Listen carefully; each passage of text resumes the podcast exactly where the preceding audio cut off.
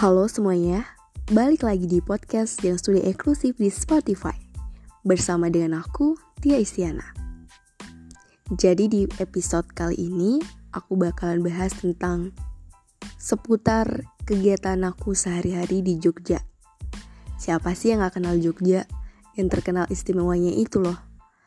Nah, kebetulan sudah hampir sebulan ini Aku berada di Jogja dengan segala kesibukan yang ada yang atau yang gue ada yang aku ada adain sendiri sebenarnya gak terlalu banyak sih kesibukan aku di sini. Karena kuliah pun masih online dan apa ya kegiatan pun masih kebanyakan dilakukan secara online. Cuma tidak menutup kemungkinan aku tuh sering keluar. Ya cuma sekedar nongkrong-nongkrong biasa aja sih sebenarnya. Biasanya itu uh, setiap hari seperti anak kos biasa, bangun kesiangan, makan seadanya. Kalau malam juga sering keluar. Tapi ya kayak begitu sih. Emang rata-rata anak-anak di sini. Bisa dibilang itu uh, apa ya hal-hal seperti itu sebenarnya kalau dilakukan secara berlebihan atau terus menerus itu juga bakalan bosan sendiri tau gak sih? Benar kata pepatah. Apa ya kayak sesuatu yang berlebihan itu emang gak baik sih sebenarnya. Makanya nongkrong pun aku sekarang emang bener-bener kayak sewajarnya aja sih. Kalau aku pengen keluar ya udah keluar aja jadi nggak menuntut harus setiap hari setiap malam itu keluar kayak begitu. Dan di sini pun sebenarnya bebas-bebas aja sih. Jadi nggak ada kayak mungkin oh kok cewek keluar malam?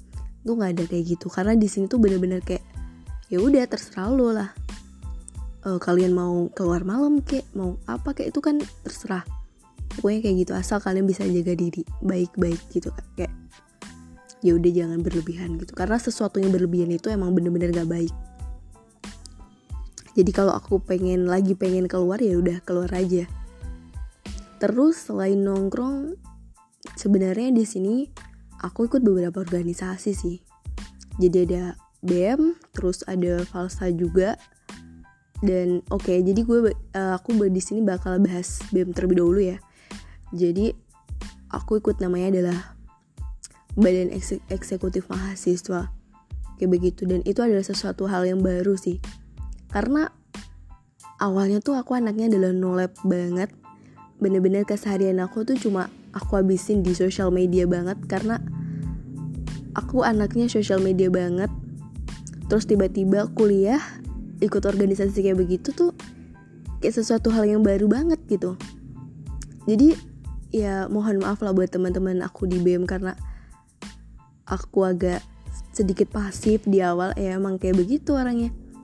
Tapi ya insya Allah aku bakalan berkontribusi sih di situ. Doain aja. Terus selain ikut organisasi apa ya? Sibuk cari partner sih. Bukan cari sih cuma kayak apa ya pasti ada lah kalian punya gebetan kayak begitu begitu Nah aku pun juga sama, cuma kayak ya udah sekedar temen aja. Selain itu apalagi ya? Oh ya aku ada project gitu sama salah satu akun kayak begitulah.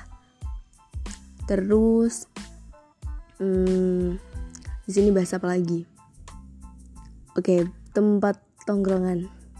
Ini menarik sih. Jadi banyak banget tempat tongkrongan yang bisa kalian uh, apa ya coba untuk atau bisa jadi kalian referensi itu sebenarnya banyak banget untuk sekitaran daerah kampusku ya ada di Bento, ada di Blangkemen, ada di main-main, ada di kopi kembang sawah, ada di basa basi, pokoknya banyak lah. Oke, di leha-leha juga ada, pokoknya banyak. Tinggal kalian budgetnya aja sih. Dan limited juga banyak. Tapi kalau menurutku untuk yang paling worth it banget itu adalah jadi belanggaman itu karena itu kayak paling murah bukan paling murah sih. Paling cocok aja gitu di kantong mahasiswa dan anak kos. Tapi tergantung kalian sih kalau mau di mana. Oke selain nongkrong tempat-tempat tongkrongan itu aku juga sering ini sih masak-masak kayak begitu. Karena sebenarnya aku tuh dulu pengen banget masuk di kulineri jadi chef gitu. Karena aku terinspirasi dari ketika aku menginap di salah satu hotel di Bali. Dan aku lihat itu pelayanan dari chef di restoran di restoran hotel tersebut itu emang bener-bener baik banget. Dan seketika aku tuh pengen eh nantilah aku pengen jadi kayak mereka. Tapi karena keterbatasan apa ya waktu bukan keterbatasan waktu sih lebih tepatnya ini aku tempatnya ya keterbatasan biaya akhirnya ya udah aku nggak ngelanjutin di culinary jadi chef. Dan sekarang aku malah masuk IT dan itu bener-bener kayak awalnya tidak relevan dan tidak nyambung sama sekali. Tapi aku berusaha buat sambung-sambungin aja ya begitu. Terus ya aku tuh hmm, kalau makan itu harus difoto terlebih dahulu. Jadi ada beberapa temen aku yang bilang dia itu nggak makan kalau nggak estetik gitu. Ya itu memang bener sih. Jadi aku harus estetik dulu di foto bagus baru aku makan. Jadi kayak begitu karena aku tuh uh, kalian yang tahu aku pasti tahu kan aku anak artnya. Aku tuh anak art banget anak seni banget. Jadi kayak menyukai sesuatu yang berbau tentang estetik dan keindahan. Kayak begitu. Oke, mungkin untuk episode kali ini cukup sekian. Semoga kalian bisa mengambil intisari. Sebenarnya juga nggak ada intisarinya sih. Tapi ya semoga kalian bisa mengambil hikmah lah dari cerita-ceritaku tadi itu. Uh, mungkin kita bisa berjumpa lagi di episode selanjutnya. Dan jangan lupa untuk tetap dengerin podcast dari aku Tia Istiana.